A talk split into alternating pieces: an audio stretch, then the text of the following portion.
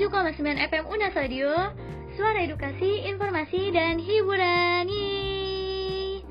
Kembali hadir nih di ruang dengar listeners Bersama saya Rizka Cayani Agustin Yang akan menemani Anda semua di mana pun berada Dan tentunya di Flash News Update Unas Radio selama beberapa menit ke depan Yeay. Jadi gimana nih kabar listeners yang lagi di rumah aja? Semoga sehat selalu ya. Dan berhubung pandemi COVID-19 masih melanda negeri kita, maka kita tuh harus mengikuti anjuran pemerintah untuk tetap di rumah aja ya guys. Dan juga kita tuh harus menjaga kesehatan, lakukan pola hidup bersih dan sehat, dan intinya selalu semangat ya pastinya. Oke, biar tambah semangat gimana nih kalau Rizka ngasih informasi apa aja yang baru-baru viral pada bulan April ini guys? Ayo kita simak cekidot. Jadi berita pertama kita kali ini datang dari dunia persepak bolaan. Ya, dunia olahraga sepak bola maksudnya guys. Uh, pasti kalian tuh kalau dengar namanya tuh nggak akan asing deh kayak pernah tahu aja gitu. Kira-kira siapa ya guys? Klunya ini dia tuh mantan pemain sepak bola Brazil yang berusia 44 tahun. Dia tuh tren banget pada zamannya. Pokoknya dia terkenal deh. Kira-kira siapa yo? Ya, dia tuh uh, Ronaldinho de Assis Moreira atau sering disebut dengan nama Ronaldinho.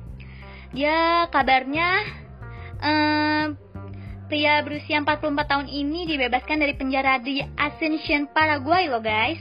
Dan ia menjalani tahanan rumah mulai tanggal 8 April 2020.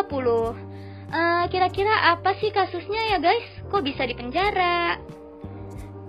Uh, jadi tuh gini, menurut informasi yang aku baca, katanya Ronaldinho ini bersama kakaknya ditahan sebab kasus pemalsuan paspor.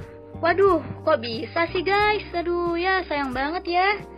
Jadi gini listeners, mereka berdua itu ditahan sejak tanggal 6 Maret 2020. Dua hari setelah masuk negara Paraguay dengan menggunakan paspor palsu, Ronaldinho dan kakaknya itu tiba untuk menghadiri pelatihan sepak bola untuk anak-anak dan peluncuran sebuah buku. Dan hal ini mengakibatkan mereka harus membayar uang jaminan sebesar 800 ribu dolar Amerika Serikat atau setara dengan 13 miliar rupiah. Wow, banyak juga ya guys. Wah, sangat disayangkan tuh duit. Nah, menurut menurut pernyataan seorang hakim di sana nih guys di Paraguay, katanya tuh uang jaminannya termasuk ya signifikan lah ya karena katanya tuh supaya mereka tidak kabur hmm signifikan ya. Tapi itu tuh lumayan juga buat beli rumah di Jakarta tuh ya di listeners. Dan kabarnya tuh juga kini Ronaldinho dan kakaknya sedang menjalani tahanan di rumahnya di Hotel Palmaroga di Ascension. Uh, jadi kita doakan saja ya guys, semoga semua urusannya dapat terselesai dengan baik ya listeners. Dan pastinya uh, bisa kembali beraktivitas seperti sedia kala, oke? Okay? Lalu aku juga punya berita yang kedua nih guys, tapi kali ini kabarnya sangat menyedihkan, benar-benar uh, membuat semua orang merasa kehilangan intinya. Ya oke, okay, selanjutnya itu berita dari Indonesia, kabar duka tentang musik tanah air Indonesia. Ya, salah satu musisi kebanggaan Indonesia yaitu Glenn Fredly.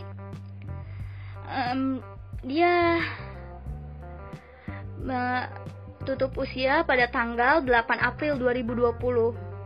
Pria kelahiran Jakarta 30 September 1975 ini disebut-sebut mengidap penyakit radang selaput otak, dan menghembuskan nafas terakhirnya di Rumah Sakit Setia Mitra Fatmawati, Jakarta Selatan.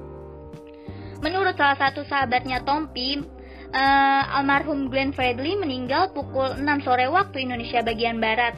Uh, berarti itu masih petang ya guys. Uh, dan almarhum sendiri meninggalkan seorang istri bernama Mutia Ayu yang telah dinikahinya pada 9 Agustus 2019 serta juga seorang putri cantik sekali yang bernama Gewa yang juga dia lahir pada 28 Februari kemarin. Wah, berarti usianya baru 40 hari, guys. Hmm, sedih banget nih pastinya.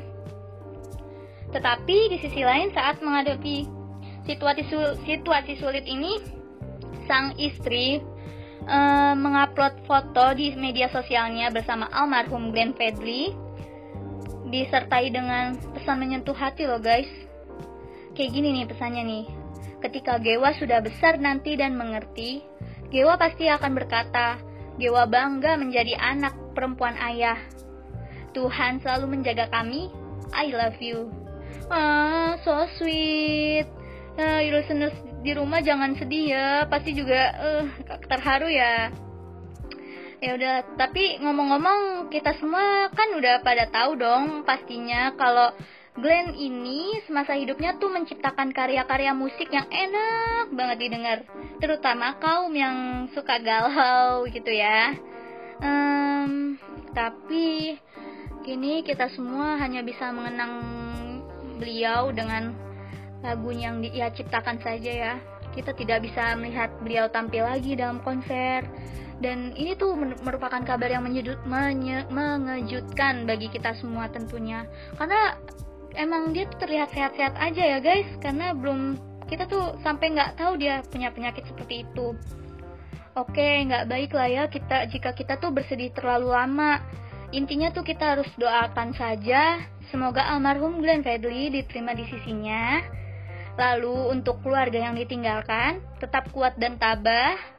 Diberikan kesabaran untuk biar bisa melanjutkan kehidupan selanjutnya di dunia ini.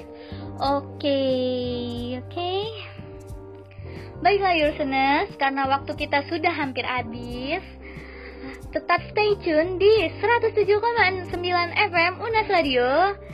Karena setelah ini nggak akan ada acara yang nggak kalah menarik lah dari acara ini. Dan saat ini saatnya saya, Rizka Cayani Agustin pamit dan sampai jumpa dan